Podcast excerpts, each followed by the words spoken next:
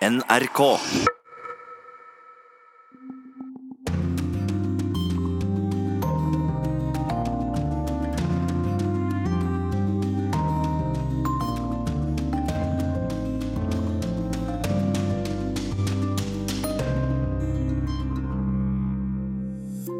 Blir det brexit-toppmøte i Brussel i morgen, eller avlyser de det hele pga. Spania og Gibraltar? Blandingen av religion og politikk settes på spissen i Ukraina. Tusenvis av prester i Ukraina presses nå til å ta et svært viktig valg. Skal de forbli den Moskva-tro-kirken, eller skal de gå over til den nasjonale ortodokse kirken i Ukraina? Latin-Amerika går mot høyre, særlig etter presidentvalget i Brasil. 55 år etter drapet i Dallas leter demokratene fortsatt etter den nye Kennedy. Og en fot i graven har Kjersti Strømmen kalt sitt korrespondentbrev fra Indonesia. Tåpelig var det å ha på sandaler. Det var de 35 varmegradene som hadde motivert meg til den slags fottøy, men jeg burde ha visst bedre. Dette var Ringa strand. Det var ei massegrav. Vel møtt til Urix på lørdag, jeg heter Wenche Eriksen. På slutten av denne utenrikstimen får du også høre podkasten Krig og fred. Etiopias politiske mirakel er tema. Men brexit er første post på programmet. Går alt etter planen? Det er ikke sikkert de gjør. Så er det toppmøte i EU i morgen for å skrive under på skilsmisseavtalen med Storbritannia og den politiske prinsipperklæringen som om veien videre. Vi skal straks til våre korrespondenter i Brussel og London, som følger brexit-dramaet minutt for minutt, men først en uh, liten smakebit fra de siste dagene. This empty document could have been written two years ago. It's peppered with phrases such as the parties will look at, the parties will explore. What on earth has the government been doing for the last two years? Does it ensure a strong and collaborative future relationship with the EU? Yes. Por tanto, la actitud del Gobierno de España para con el contencioso eh, con el Peñón de Gibraltar es constructiva, positiva. Last night I spoke to Prime Minister Sanchez of Spain, but I was absolutely clear that Gibraltar's British sovereignty will be protected. Wir haben noch einen Vorbehalt Spaniens, wozu ich nicht genau sagen kann, wie wir dieses Thema lösen werden. Ich hoffe, es wird gelöst bis Sonntag. Ja, jeg vet ikke helt hvordan, men jeg håper at spørsmålet om kravet fra Spania blir løst innen søndag, sa Tysklands forbundskansler Angela Merkel her til slutt. Nå har vi med oss Brussel-korrespondent Philip Lote og London-korrespondent Øyvind Nyborg. Og til deg først, Philip. Er det nå helt sikkert at det blir toppmøte i EU i morgen? Det har jo vært tvil om det? Ja, Det aller siste er at Pedro Sánchez, som nå besøker Cuba, den spanske statsministeren, sier at han foreløpig ikke har fått de garantiene han trenger. Så han kan ikke si sikkert at han kommer på toppmøtet i, i morgen. At Spania ikke er der og eventuelt ikke støtter avtalen, er ikke nok til å stoppe den, for den krever kun to tredjedels kvalifisert flertall. Men det er såpass pinlig for EU at hvis Spania ikke er med, så er det, kan det hende at de velger å utsette møtet likevel. Og Det Spania krever, er jo en, i klartekst i den politiske erklæringen om det fremtidige forholdet mellom EU og Storbritannia, at det skal stå klart at Gibraltars fremtid skal avgjøres i samtaler mellom Madrid og London, og ikke mellom Brussel og London. Ja, Gibraltar tilhører jo Storbritannia. Hvorfor har dette dukket opp akkurat nå? Liksom, man har visst hele tiden at Gibraltar er en del av Storbritannia? Ja, den politiske erklæringen handler om det fremtidige forholdet, og det skal også da ta hensyn til disse litt mer spesielle britiske interessene rundt omkring i verden og Europa. Eh, og, og, Det er også viktig for Spania å markere seg her. Eh, og så har det andre saker overskygget, og så har man kanskje ikke gitt dette nok oppmerksomhet. Og Så hører det også med til historien at eh, til helgen så er det regionvalg i Andalusia som grenser til Gibraltar, og dette er et område som er viktig for statsminister Pedro Sánchez. Så det er helt klart en markering for hjemmepublikum her også. Øyvind, statsminister Theresa May hun drar til Brussel allerede i ettermiddag for å møte EU-kommisjonens president Jean-Claude Juncker og EU-president Donald Tusk. Betyr det at alt ikke er på stell, at det fortsatt er forhandlinger som pågår? Ja, det er nok noen vanskelige ting som, eh, som, står igjen. Men det er klart at ingen av partene vil gjenta fadesen fra sist toppmøte, da, eh, da man så å si annonserer at det blir en avtale, men så blir det ikke noe allikevel. Eh, selve skilsmisseavtalen den kan man ikke gjøre noe med nå, men den politiske erklæringen som, som dere snakker om, det framtidige forholdet mellom Storbritannia og EU, har jo gått fra å være 20 sider til 26 sider i løpet av uken, så der har det jo vært en prosess. Én ting er det som skjer i Brussel denne helgen, men eh, den store kampen for eh, Theresa May begynner vel først når hun kommer hjem igjen? Ja, og som vi hørte innledningsvis her, så har jo May fått veldig mye juling i Underhuset i, i, Westminster. Men nå er taktikken eh, blitt en helt annen. Hun har tenkt å reise rundt i landet de neste par ukene og holde folkemøter, møte lokalpolitikere, stille opp til intervjuer rundt omkring. Hun har fått med seg at eh, folk flest de er lei av brexit. De vil bare ha det, det hele overstått. Og dersom hun nå kan overbevise folk om hennes brexit-plan, så blir det jo vanskeligere for de folkevalgte å yte henne motstand i Westminster. For er det noe britiske politikere er, så er de veldig lydhøre i forhold til sine egne valgkretser. Og budskapet som, som selges, det er at det skal bli slutt på innvandringen av ufaglært arbeidskraft eh, fra de østeuropeiske EU-landene, som tjener kanskje lite og som har krav på trygder. Og det er et eh, populært budskap. Det er ikke så mange dager siden det var snakk om opprør mot May i hennes eget konservative parti, og brev om mistillit. Hvordan gikk det egentlig med det? Det gikk eh, på godt norsk eh, på trynet, og det må jo tolkes som et alvorlig tilbakeskritt for de hardeste brexit-forkjemperne i det konservative partiet, som, eh, som har da erkekonservative Jacob Rees-Mogg i, i, spissen. Men eh, de gikk jo hardt ut på banen, men de klarte altså ikke å samle inn de 48 underskriftene som, som skal til da, for å utløse et mistillit mot meg som partileder. Men det blir lagt merke til her at eh, prominente brexit-forkjempere som f.eks. Boris Johnson enda ikke har sendt inn eh, sitt brev. Og det kan bety at eh, flere venter på, sitter og venter på gjerdet her, og kanskje venter til nærmere avstemningen i parlamentet, som er rundt 10. til 12. desember. Og Philip, eh, kan du si helt kort til slutt, eh, hva slags tidsplan kan vi regne med nå i løpet av denne helgen? Vi har møter i ettermiddag med meg og EU-topper, og hva liksom skjer i morgen? Når vil vi vite om eh, alt er klart? Tidspunktet for å kunne si fra at man har klart å løse denne Gibraltar-Spania-spørsmålet, eh, det er i ettermiddag når eh, Theresa May møter Juncker, og så etterpå etter planen skal møte Tusk. og Så kommer de sammen til det som da blir kalt et frokosttoppmøte i morgen tidlig. Og går det som EU vil, så skal man da først bare ha et ganske kort eh, møte, en arbeidsfrokost, de 27 gjenværende landene. Og så skal man ha en seanse hvor Theresa May også deltar, hvor man da sammen erklærer at man nå er enig både om utmeldelsesavtalen og om den politiske erklæringen. Og bare For å oppsummere litt, For utmeldelsen så trenger man jo ikke Spania med på laget.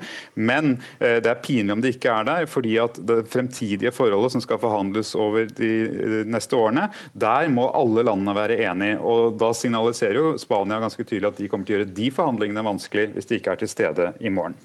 Og da sier vi takk så langt til Philip Lote og Øyvind Nyborg.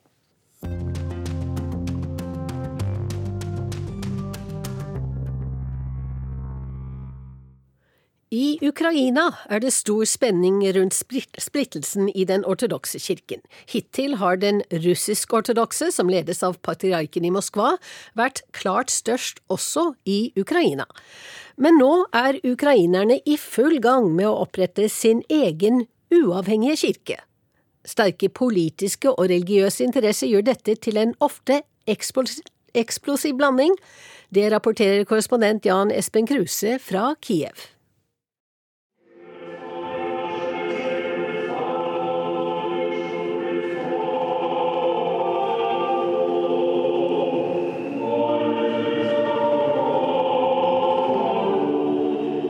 Det er kveldsgudstjeneste på en vanlig hverdag i en av de ortodokse kirkene i den ukrainske hovedstaden Kiev. Noen titalls mennesker er til stede. Noen kommer, og noen går.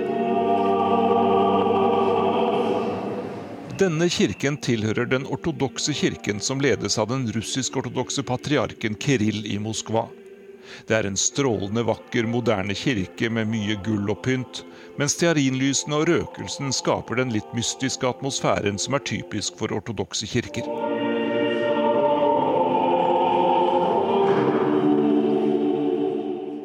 Flere prester deltar i liturgien, men det er ingen tvil om hvem som er viktigst av dem. Vi har kommet for å møte metropolitt Oleksander, og han forteller at han har det svært vanskelig akkurat nå. Ну, для меня, как э, христианина, очень печально, что э, существует этот раскол. К сожалению, э, Московская патриархия и Украинская православная церковь Московского... For meg er det svært sørgelig at denne splittelsen pågår mellom den ukrainske kirken og den som er underlagt patriarken i Moskva, sier metropolitt Aleksander. Han understreker at dramatikken i denne saken forsterkes av at både politikere og kirken på begge sider har kastet seg inn i striden.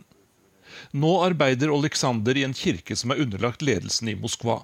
Men han og tusenvis av prester i Ukraina presses nå til å ta et svært viktig valg. Skal de forbli den moskvatro kirken, eller skal de gå over til den nasjonale ortodokse kirken i Ukraina? Я всегда был, есть и буду в украинской церкви. Другое дело, какая это будет конфессиональная принадлежность. Jeg kommer til å gå over til den nasjonale ukrainske kirken. Det er der jeg hører hjemme, sier metropolit Aleksander til NRK. Han mener at uttalelsene som har kommet fra den russisk-ortodokse kirkens patriark i den siste tiden, er uakseptable. Patriark Kirill называет хунтой и как бы недействительной нынешнюю власть, которая в Украине называет Киев. Patriark Kirill i Moskva har kalt den nåværende politiske ledelsen i Ukraina for en junta, og han har sagt at den ikke har legitim makt. Patriarken hevder også at Ukraina ikke kan gå ut av den russiske innflytelsessfæren, påpeker presten. Som ukrainer finner han nesten ikke ord som han kan sette på følelsene sine. Splittelsen i den ukrainske ortodokse kirken er et eh, spørsmål som får stor oppmerksomhet i hele landet. Og eh, på gata her i Kiev er eh, folk svært uenige om hvilken vei man skal gå. Enten i retning av Moskva eller i retning av en nasjonal ukrainsk kirke. Они очень политизированы в нашей стране.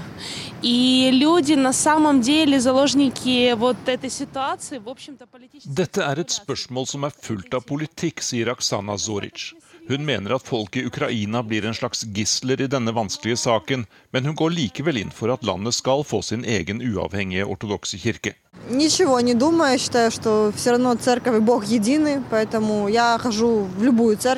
Jeg bryr meg ikke om hvilken tilhørighet kirken har, sier Olga Kalesnikov. Hun mener at Gud er den samme, uansett hvilket politiske spill som pågår rundt kirkesamfunnene. Men for kort tid siden gjorde den ukrainske presidenten det ganske klart hva han mener om saken. Patriark Kirill російської православної церкви молиться за російське військо, яка Patriark Kirill i den russisk-ortodokse kirke ber for russiske soldater som dreper ukrainske soldater, ukrainske sivile ukrainere. Dessverre har vi fortsatt kirker her i Ukraina som er underlagt patriark Kirill, som leder disse bønnene, sier president Petro Porosjenko. Politiske kommentatorer i Kiev mener at kirkestriden kan utvikle seg i en dramatisk retning. Если брать тот же аспект э, политический, hvis vi ser på den politiske siden av dette, er jeg redd for at vi vil få veldig alvorlige problemer, sier den uavhengige journalisten Leonid Svets. Han viser til at det allerede har blitt kastet bensinbomber mot en kirke i denne striden. Da dreier det seg ikke lenger om religiøs uenighet, da er det regelrett gatekamper, sier han.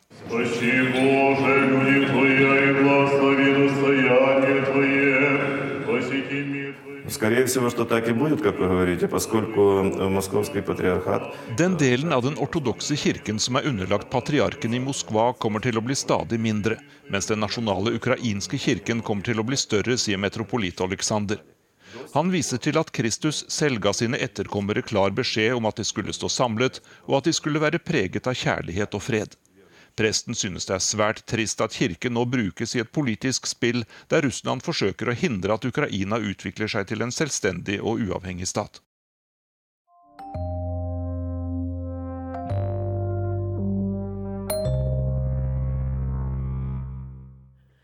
Latin-Amerika går mot høyre, og tendensen er blitt kraftig forsterket etter presidentvalget i Brasil, regionens klart største land. Hvorfor skjer denne høyredreiningen, og hva betyr den for de drøyt 550 millioner menneskene som bor i Latin-Amerika? Vår medarbeider i Rio de Janeiro, Arnt Stefansen, skal forsøke å gi oss noen svar. Vi starter der han er, i Brasil. Myto, legende, roper tilhengerne til høyrepopulisten Jair Bolsonaro. Når Bolsonaro tar makten ved nyttår, er han omgitt av blå stats- og regjeringssjefer på alle kanter. Mauricio Macri i Argentina, Sebastian Piñera i Chile, Martin Vizcarra i Peru og Ivan Duque i Colombia, for å nevne noen. Det politiske kartet over Latin-Amerika har endret seg dramatisk det siste tiåret.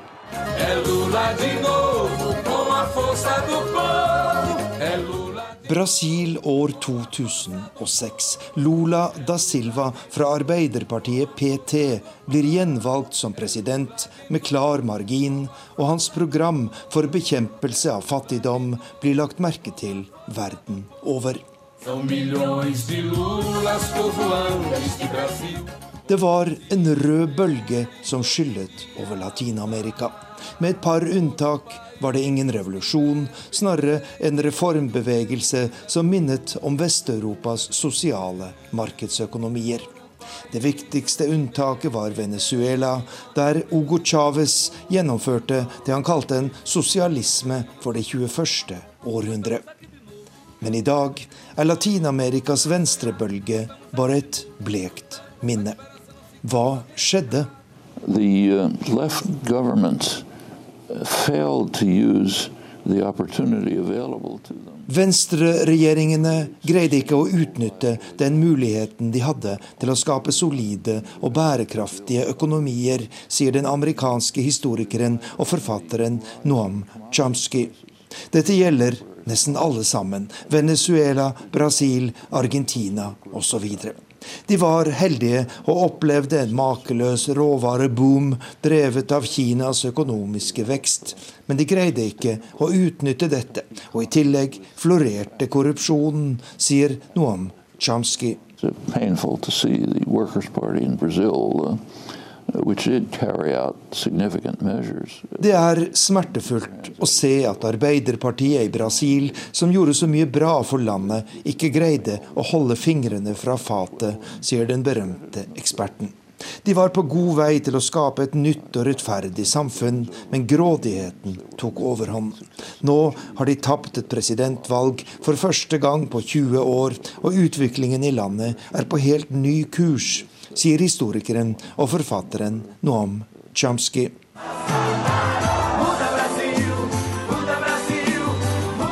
Hva betyr den nye høyrebølgen for Latin-Amerikas mer enn en halv milliard innbyggere? Håpefulle velgere ser de nye lederne som redningsmenn. Fra vanstyre, korrupsjon og kriminalitet. Andre frykter tilbakeslag når det gjelder kamp mot fattigdom, kvinners stilling og rettigheter for minoriteter. Den kjente portugisiske Sør-Amerika-eksperten Boaventura de Sousa Santos mener høyrevinden gjør de fattige til de store taperne. É o neoliberalismo como o único modelo de capitalismo uh, uh, realmente. Det er nyliberalismen som nå er praktisk talt enerådende i høyrestyrte land. Finanskapitalen dominerer, og den er sterkt antisosial og rammer arbeiderne og de fattige. Og i motsetning til den produktive kapitalismen trenger ikke finansspekulantene å ta hensyn til dem som skal skape verdiene. Og derfor blir det stadig vanskeligere for dem som er nederst på rangstigen, i det sosialt urettferdige Latin-Amerika, sier den portugisiske eksperten. Men selv om de latinamerikanske høyrelederne har mye til felles, er det også mye som skiller dem mellom Brasils høyrepopulist Jair Bolsonaro og Argentinas sentrum-høyreleder Mauricio Macri er den politiske avstanden stor. Og det er all grunn til å vente en ulik utvikling i de ulike landene. Men det de alle er enige om, er at Venezuelas sammenbrudd viser hvilken vei man ikke skal gå.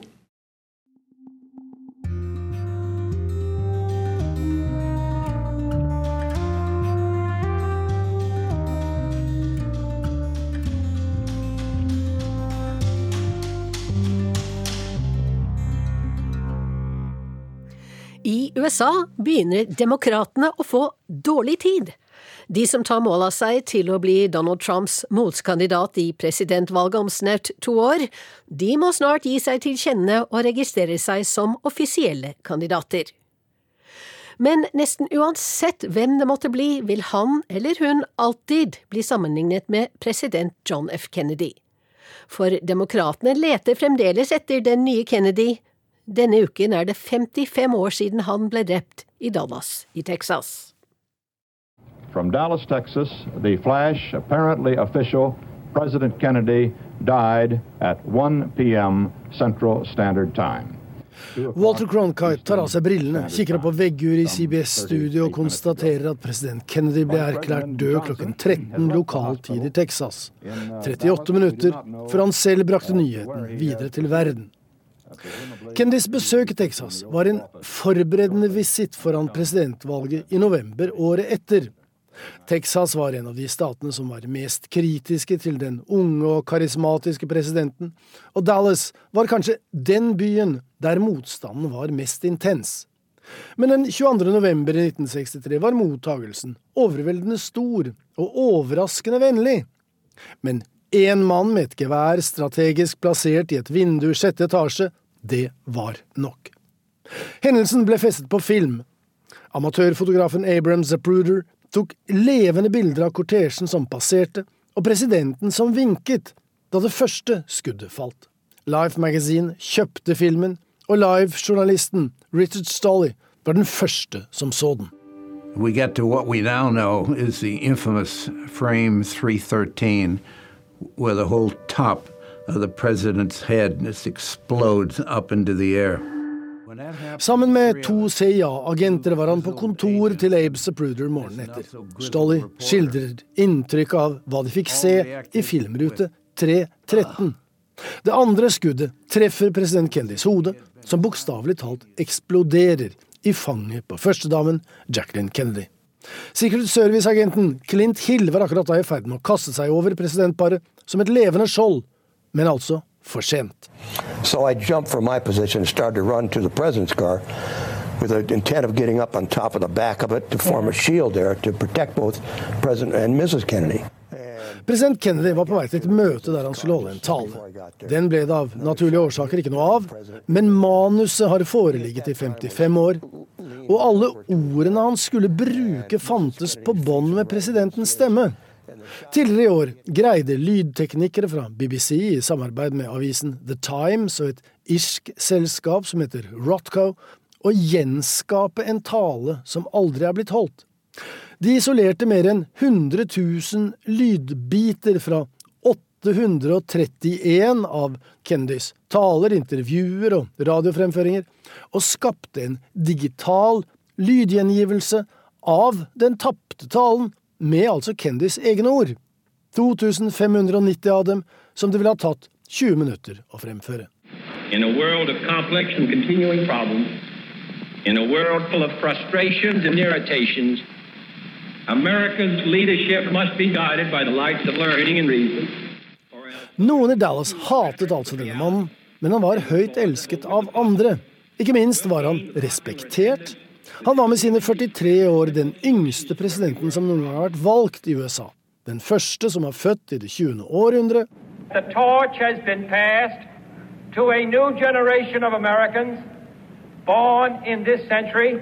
Med en ny tilnærming til embetet og utfordringene. And so, my fellow Americans, ask not what your country can do for you, ask what you can do for your country. Han var pen og populær, veltalende og velstående, vakker kone og søte barn, sjarmerende og slentrende. Han viste vei. Stemningen i USA var optimistisk, amerikanerne trodde på en bedre verden med Kennedy i førersetet. Etter tusen dager ble håpet slukket og drømmene knust. 55 år senere er amerikanerne fremdeles på leting. Hver gang en ny kandidat med ord i sin makt og en flott hustru ved sin side gjør sine hoser grønne hos velgerne, er kommentatorene raskt ute med en Kennedy-sammenligning. Reportere som ikke engang var påtenkt i 1963, har klare meninger på de stemmeberettigedes vegne. Andre kvalifiserte kandidater blir også gjenstand for medienes Kennedy-test. Det snakkes om Camelot, en mytisk beretning om harmoniske tilstander ved kong Arthurs hoff i middelalderen. Underforstått, Kennedys tusen dager var vår tids Camelot, hvilket ingen kandidat kan forventes å leve opp til eller gjenskape i Det hvite hus. Ei heller de gjenlevende Kennedy-generasjonene, nå med kongressmannen Joe fra Massachusetts. This administration isn't just targeting the laws that protect us. Tidligere i år ble nemlig Joe Kennedy 3. valgt til å gi demokratenes tilsvar etter presidentens tale om rikets tilstand. En høyprofilert tillitserklæring fra partiledelsen, men det betyr ikke at han stiller, sa den 37-årige sønnesønnen til Robert Kennedy i februar. Are you running for president in 2020? Uh, no, uh, I am not. Bestefaren var også presidentkandidat da han ble drept i sitt forsøk på å gjenskape Camelot i 1968. Kennedy-familien har fremdeles en meget spesiell plass i mange amerikaneres hjerter, og i mange kjendisbladers sladrespalter. Dette er en arv som kan være tung å bære og vanskelig å forvalte, både for så vel genetiske som politiske etterkommere. Og det sa vår Kennedy-ekspert Joar Hoel Larsen.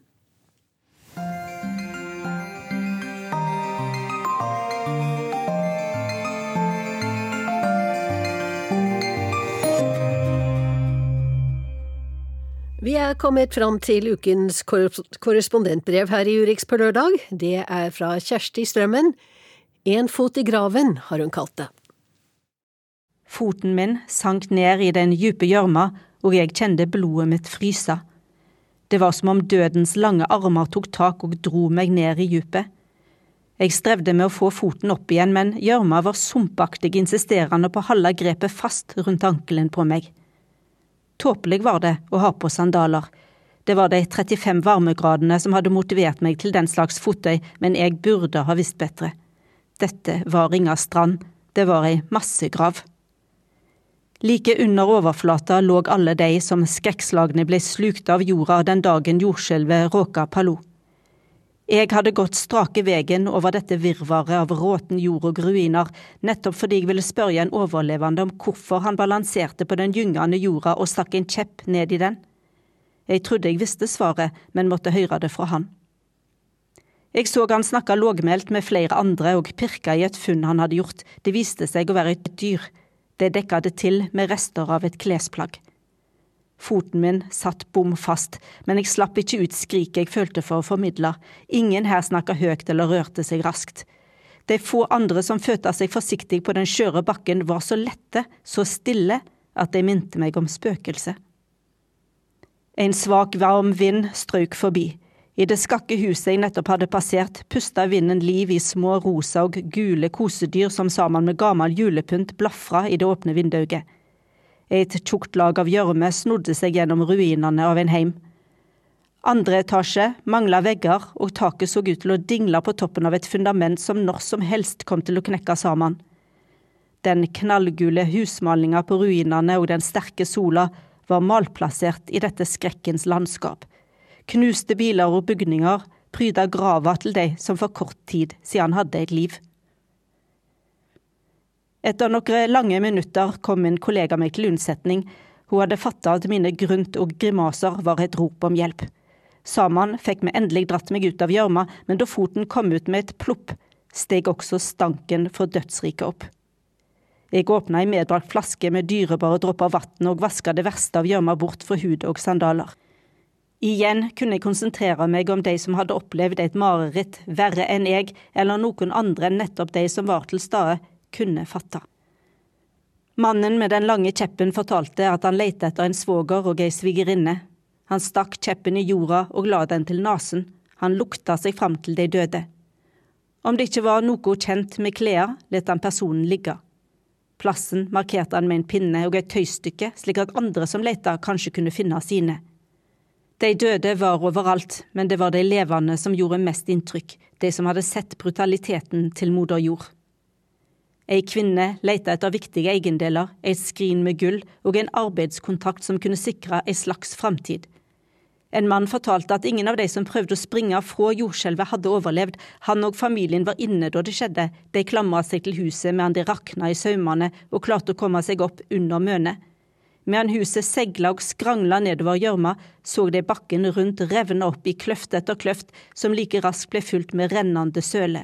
De så folk, venner og naboer som prøvde å hoppe over, men som ble slukt. Da kvelden kom, var jeg heldig som hadde rennende vann. Det var det ikke mange i denne sønderrevne byen som hadde etter jordskjelvet. Jeg skrubba både føtter og sandaler, men lukta forsvant ikke før det gikk flere dager, og hver eneste dag var foten hoven. Ei stadig påminning om at jeg hadde hatt én fot i grava. Det var ikke så farlig, absolutt ikke, men det ufattelige landskapet jeg så, og det grufulle marerittet de overlevende formidla detaljer om, gjorde også meg var på fare. Hver natt våkna jeg også til små etterskjelv. Engstelige palunesere slo leir på flyplassen. De ville være først ut om det kom nye skjelv og folk ble evakuert. De ville også være nærmest mulig nødhjelp og trodde de kanskje fikk mat og drikke først, om de venta akkurat der.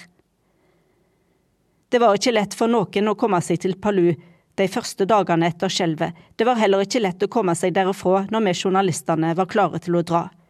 Folk med nok midler til å reise ut gjorde nettopp det. Flya var overfylte, flyplassen var kaotisk og innstillingene var mange. Derfor satsa vi på et fly tidlig om morgenen for at vi skulle komme oss derifra før forsinkingene begynte. Således pakka vi bilen klokka fem om morgenen og var klare til å dra. Jeg skulle akkurat til å lukke opp bildøra da bakken begynte røre på seg. Indonesierne som sov ute, kom seg på beina i en fart. Jeg hørte dempa rop, men ble stående helt stille og tankene mine for til den vesle gutten som hadde vært på fotballsletta da jordskjelvet råka. Fra stovevinduet så tanta at han kikka seg rundt som for å finne en trygg vei å springe, men overalt var bakken i bølger. Høgtalerne som hadde kalt til bønn, ble stille, men gutten tok sats og sprang mot moskeen. Da ble jorda en miksmaster og vendte rundt på alt jordlig gods, mennesker og dyr. Så kom flammene. Faren mistet alle sine tre sønner den dagen, og da jeg så hans uendelige smerte, ikke bare over tapet, men den grufulle måten barna døde på, ja, da forsto jeg at når jordskjelvet råker, da nytter det ikke å springe. Jeg vet ikke hvorfor, men vi ble alle stående og se i samme retning innover mot plassen, ikke ut mot porten. Venta vi på et tegn?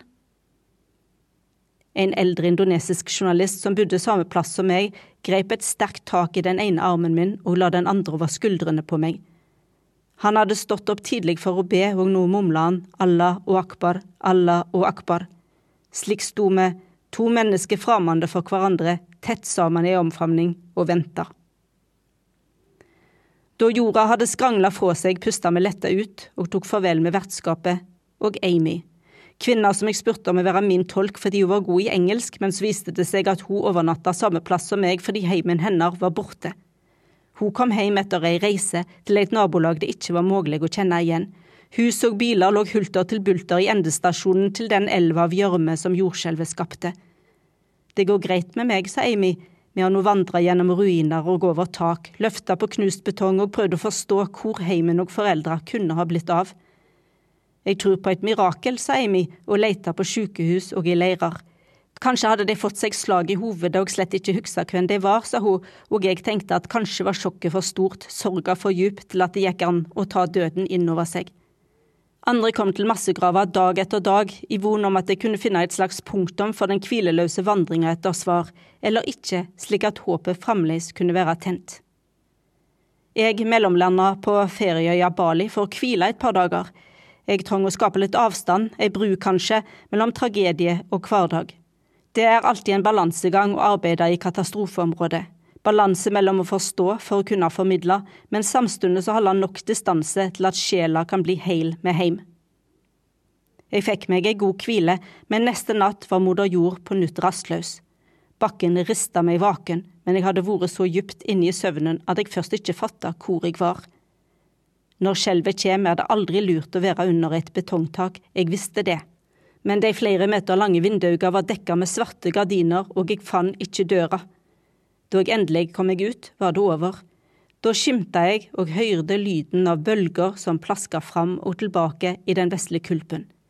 En løs del slo en illevarslende lyd, så ble alt stille igjen.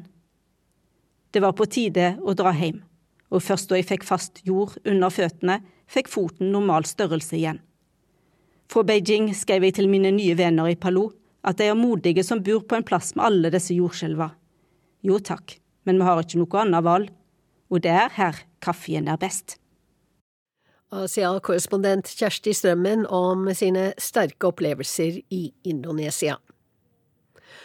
Så er det duket for ukens utgave av podkasten vår Krig og fred. Hei, Tore. Hei, Tove. Du, jeg er tilbake i Washington denne uka. Selvfølgelig. Ja, men så hadde jeg faktisk ikke tenkt å lage en podkast om USA, men om Etiopia. Ja, der har det skjedd store ting. Fredsavtale med Eritrea, masse kvinner i regjeringen og en spesiell ny statsminister. Ja, Og en 42 år gammel statsminister som bare har sittet ved makta i åtte måneder, men som vil gjøre kjempestore endringer. It is easier to attract people to democracy rather than to coerce them to be democratic. Men hvorfor har du reist til Washington? For å lage historien om ham? Fordi det er innmari mange etiopiere her, og den nye statsministeren han vil visstnok at de skal komme hjem. Krig og fred med Tove Bjørgaas. The new prime minister. Yeah, we know yeah. him. We Yeah, know- do you know him? Oh yeah, we know. Not most of us this time we, we like him. Jeg har gått ut av studio her i Washington og rett over gata til parkeringshuset jeg brukte mens jeg jobbet her. Og der jobber Mac og sju-åtte andre som alle er fra Etiopia. Nå følger de nesten euforisk med på nyhetene hjemmefra og alt statsminister Abiy Ahmed gjør. Is it big change? Oh yeah, it is. It's a lot of change. All of us, oh, everybody's happy and then following the news and everything because we don't want him something to happen to him. Han har gjort mer på de seks månedene han har sittet som statsminister, enn det vi har sett kanskje på de siste 25 årene. Eh, enorm reformiver og et enorm reformdriv på toppnivå. Jeg heter Kjetil Tronvold og er professor i fred- og konfliktstudier ved Bjørknes høgskole. Eh, Og jeg har jobbet med Etiopia og Afrikas Horn i 30 år. Abiy Ahmed eh, representerer hva skal jeg si, en, eh, hele Etiopias kompleksitet i, i sin kropp. Han er av, eh, hans foreldre var fra forskjellige etniske grupper, amharaene og romoene, de to største gruppene. Han er oppvokst i et muslimsk hushold, men er en konvertert kristen, evangelisk kristen selv. Eh, Han har en militær offiserbakgrunn fra veldig tidlig alder av, eh, men samtidig en sterk også sivil utdanning. Han avla i, i fjor en doktorgrad i fred og forsoning eh, på Universitetet i Addis Abeba. Eh, Veldig velartikulert, karismatisk, snakker tre av hovedspråkene i Etiopia flytende, i tillegg til engelsk. eh, Som har fått med seg folket, og har i og for seg lagd en ny sosial kontrakt mellom seg selv, mer eller mindre, og folket. Regjeringspartiet er det samme, som har styrt Etiopia siden 1991. Eh, Men det er en ny statsminister bare. Så kampen er både det å innad i hans parti å få med seg alle komponentene i partiet, som han strever mye med. Og så er det da å etablere et nytt forhold til sitt folk, som har følt seg undertrykt da i snart 30 år. Det er litt av et land, Etiopia, med litt av en historie. Hva er det mest spennende med Etiopia? Etiopia er eh, et fantastisk fascinerende land. Det er ikke å legge skjul på alle som begynner å jobbe med det. Jeg hadde tenkt å bare jobbe med det i to-tre år i mitt magisterarbeid, men fortsatt 30 år etter holder jeg på å jobbe med det forskningsmessig fulltid. Eh, De har en unik historie på det afrikanske kontinentet. 2000-2500 år gammel statsenhet med et uh, føydalt kongerike, keiserrike, veldig likt det middelalderske føydalsystemet i Europa. Det var uh, den nest eldste kristne statskirken i verden. 325 ble det kristnet. Uh, de hadde en veldig velutviklet statsmodell organisasjonsmessig. Egen valuta, eget skriftspråk, egen altså kirke. Som, som, gjorde at det er, en, det, er, det er en unik historisk dybde til en etiopiske stat og den etiopiske identiteten. Men så er det et ekstremt sammensatt land. Eh, de har over 100 millioner mennesker. Afrikas nest største i innbyggerantall. Eh, de har snaut 100 forskjellige etniske grupper, forskjellige språk. Det er en av Afrikas største økonomier, ikke sant? Det vekstmessig og er en av Afrikas største økonomier nå. Eh, det tok igjen Kenya i fjor, så vidt jeg husker. ja. Hva er det de skal satse på da? De satser på å bli Afrikas nye Kina. Eh, og helt bevisst eh, med at de har en massiv eh, arbeidskraft i landet. Ung arbeidskraft, disiplinert arbeidskraft. Ikke så utdannet, men det er da manual labors. Og det bygges industrial parks, industriparker med produksjonsbedrifter over hele landet. De har begynt å produsere tøy for Hennes og Maurits, sko for europeiske skomerker. Så de har egentlig tatt over en del av produksjonen som har vært i Kina. Du ser noen internasjonale bedrifter flytter nå produksjonen fra Kina til Etiopia. Fordi det er så mye lavere eh, betaling eh, per, eh, per arbeidsenhet. Da. Det finnes også mange etiopere som ikke bor i Etiopia. De bor f.eks. i Washington. Og Abiy Ahmed ønsker dem velkommen tilbake? Abiy Ahmed har satt i gang en enorm reform også versus sin diaspora.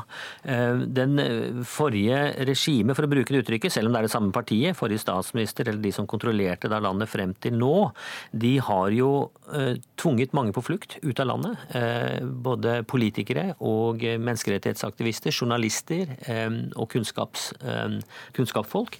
De er nå ønsket tilbake og invitert tilbake. Særlig den politiske opposisjonen i eksil. Alle er invitert tilbake, og mer eller mindre alle har dratt tilbake til Etiopia for å praktisere politikken internt. Men han har også invitert eh, vanlige etiopere tilbake eh, for å investere eh, økonomi, sette i gang småbedrifter, og også for å bidra kunnskapsmessig. Så han tilrettelegger da en enklere vei for de etiopere med et utenlandsk statsborgerskap, amerikansk, norsk, svensk, you name it, for å komme tilbake og opprette en etiopisk identitet. Ryktene sier jo at det er, er det ti ganger mer etiopiske medisinske leger i USA enn det er i Etiopia. Så bare det med tanke på kunnskapsoverføring tilbake med helseindustri, kunnskapsindustrien, kan være et enormt potensial for Etiopia. Nå har jeg forflyttet meg til 9th eh, Street, som er liksom ti kvartaler nord for Det hvite hus. Eh, og her i Shaw, et sånt ganske kjent afroamerikansk nabolag, så ligger det vi kaller lille Etiopia her i Washington. Og utenfor Abesha, som er en eh, lunsjrestaurant, en sånn fastfood-restaurant, så har jeg akkurat møtt en patolog, av alle ting, som kom fra Etiopia for 30 år siden. Og han har faktisk møtt den nye statsministeren Abiy, som har vært her i byen for ikke lenge siden, med en ganske klar oppfordring til eh, de mange mange tusen etioperne som bor her. My name is Kasaun Tafara. I'm a resident of Washington, D.C. I'm a clinical pathologist. So he, he came here, the prime minister. What did he say? He asked us to contribute a dollar a day, so $30 a month we are responding to his uh, question, uh, his uh, request, where we we are uh, mobilizing uh, in uh, in every profession, healthcare. starting summer, we are ready to go back home and serve the country. So you're planning to go back? Yeah, yeah. I'm going in January. How long are you staying? I think three months. That's what they say. It's just a group, so from three months to four months. But are you thinking you might even move back there? To Ethiopia? Uh, if that is productive, yeah. I don't want to be corrupt, you know. and, a good life here, no? no and I've yeah. been living here, but uh, you know, I'll be more productive if I go in and out, you know. So how has your life been in, in America? Uh, we're doing pretty okay. It's, America is home for us, you know. They took us when a bad time happened. Nowhere to run, you know, except the USA. Imagine if there is no USA, where we go? But a lot of people came to the to this air, this part of, of the United States. Why? Yeah, because during Haile Selassie, most of Ethiopians came here as a student. So, you know, everybody to look after them. So when this thing happened to Ethiopian, everybody want to run here. You have uh, do you have children? I have three children, three boys. Are they quite American or? No, they, they uh, even though they're born in, in America, they have mixed culture. So, you think they might want to go back one day? well, you know what? If, when I go January, I'll take them. We're trying to send them to school there for two years. Here, the school system is not as strong as back home. So, Better schools in Ethiopia. oh, no doubt, that's a British school. What is your sort of biggest dream that that he can accomplish? For uh, the, the president, Yeah, the prime like minister, for the Yeah, for the yeah. country. You know what? The biggest accomplishment I'm insane is, is a lot of resources are leaking out from the country. If he's minimized, not stop, you know, thieves everywhere. Even in America, there is criminals. But minimize what is leaking. If he keep what he getting from European, American, from all over the world, if he keep that in Ethiopia, given te- coming 10 years, Ethiopia will be middle class. I would like to emphasize that the way uh, our party sees conflict is based on our values, embedded in a constitutionalism and dedication to human rights. Han hadde en fantastisk tale i parlamentet rett før sommeren, hvor han da innrømmet skyld. Han innrømmet massive menneskerettighetsbrudd, fengslinger, tortur av det grusomste slag, som hans parti og hans regjering hadde gjort, og ba om tilgivelse for folket, og sa at nå må vi se fremover. Og akkurat i dag så får jeg nå beskjed om at han nå også har nedsatt da en fred- og forsoningskommisjon internt i landet, som skal ettergå og se, se nøyere på de de menneskerettighetsproblemene etiopierne har levd under da i, i snart 30 år. Så det, er å, det han gjør, er å liberalisere den undertrykkende stat. Han har disconnected eh, etterretningen, eh, politi, militære eh, fra å være undertrykkende mekanismer for regjeringen. Og si at nå skal folket høres og bli hørt. Jeg ser som folk som prøver å skytte meg i, når jeg sover. Det blir man ikke kvitt. Nei.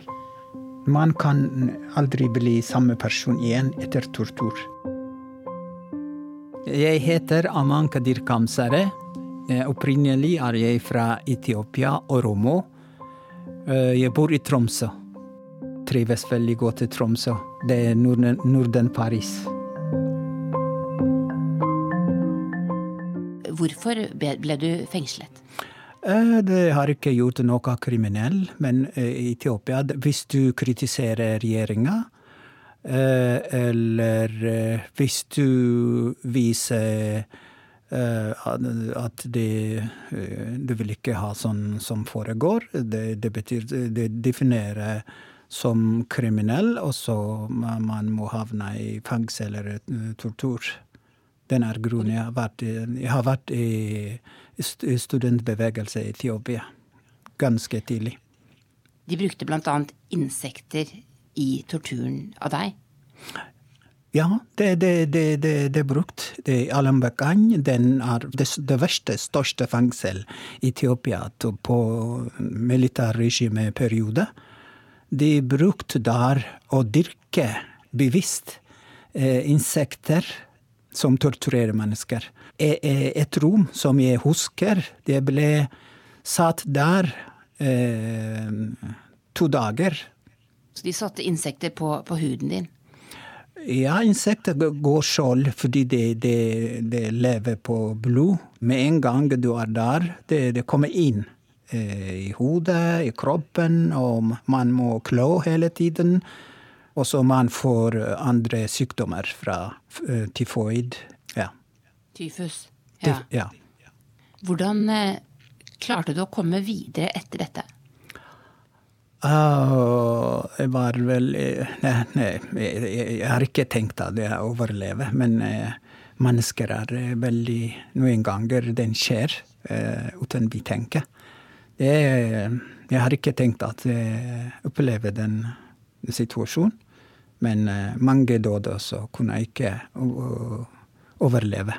Du tilhører oromofolket. Kan du forklare eh, hva er, hva er oromofolket, og hva er, hva er, alle disse forskjellige gruppene, etniske gruppene i Etiopia? Eh, oromo er det største folkegruppa i Etiopia som de makthaverne definerte oromofolk eh, som slav, men det overveldende majoritet i Etiopia. Ikke bare Etiopia i Afrika. Hun du finner i Kenya, du finner i Somalia, du finner romo i Sudan. Du finner det, du, du, nesten eh, romo-språk også lingua franca i Afrika, som, som kiswahili, for eksempel. Statsminister eh, Abiy Ahmed, han er oromo, sånn som deg. Ja. Hva er, forsøker, hva, er det, hva er, det han forsøker å gjøre? Eh, han eh, han har gjort veldig, veldig eh, stor forandring i landet. En, han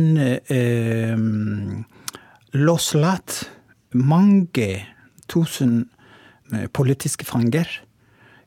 Og så han opphevet den terroristloven som fordømmer alle politisk opposisjon. Og så alle opposisjon velkommen hjem. Jeg har vært i Etiopia sist eh, i oktober, 15 dager. Så eh, mange, jeg tror alle er nå i hjemlandet. Og så fred og regjeringa bare de diskuterer og dialog. Ja. Etter alt det du har vært igjennom, hvordan føles det som skjer nå? Jeg tenker noen ganger er drøm eller realitet, eller eh, som sist jeg reiste eh, hjemlandet, og så ingen spurte meg hvor jeg har vært, eh, hvor jeg kommer fra, eller hvor jeg går, eller bare, bare slippe inn. Og ja. Så jeg har ikke forventet. Jeg ble født igjen, jeg kan si. Du ble født igjen? Ja. Vil du flytte tilbake? Um, jeg tror ikke det, for de er norske statsborgere. Um, jeg tenker å jobbe fra her, spesielt på menneskerettighetssida. Ja, jeg har vært uh, Amnesty-aktivist uh, for det siste uh, 19 år og snart 20 år, så jeg fortsatte den kampen. Er det nesten for godt til å være sant? Føles det sånn for deg? Tror du han kommer til å lykkes? Uh, ja, fordi overveldende Abiy Ahmed han, han var en figur. Den står bak og, og hele nasjonen.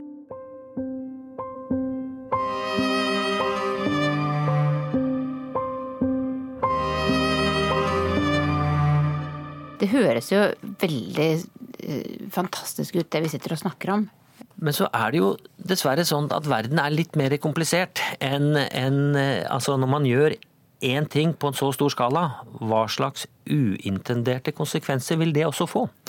Og Etiopia, som gjennom da årtusener faktisk har vært en sterkt sentralisert, hierarkisk, undertrykkende eh, statsmodell, når det løsnes opp over natten, så kommer det da mange gamle konflikter opp igjen, som har blitt holdt nede pga. Eh, militært press. Men samtidig som nye konflikter skapes ut ifra nye forventninger og aspirasjoner som folket har til lokal eller regional maktutøvelse. Og Det vi ser i Etiopia i dag, er en fragmentering på regionalt delstatsnivå. Eh, nå har akkurat som et eksempel den eh, delstaten i Sør-Etiopia Etiopia er inndelt i ni forskjellige etniske delstater under en etnisk føderasjonsmodell. Og Delstaten i Sør-Etiopia har nå plutselig tre av de etniske gruppene der, som har følt seg undertrykt på et regionalt nivå, har nå bedt om å få løsrive seg fra sin egen delstat for å etablere en uavhengig delstat, sin egen eh, etniske delstat. Noe de har lov til, jf. den etiopiske konstitusjonen. Hvor lang tid tror du han må sitte som statsminister før vi vet om dette blir varige endringer?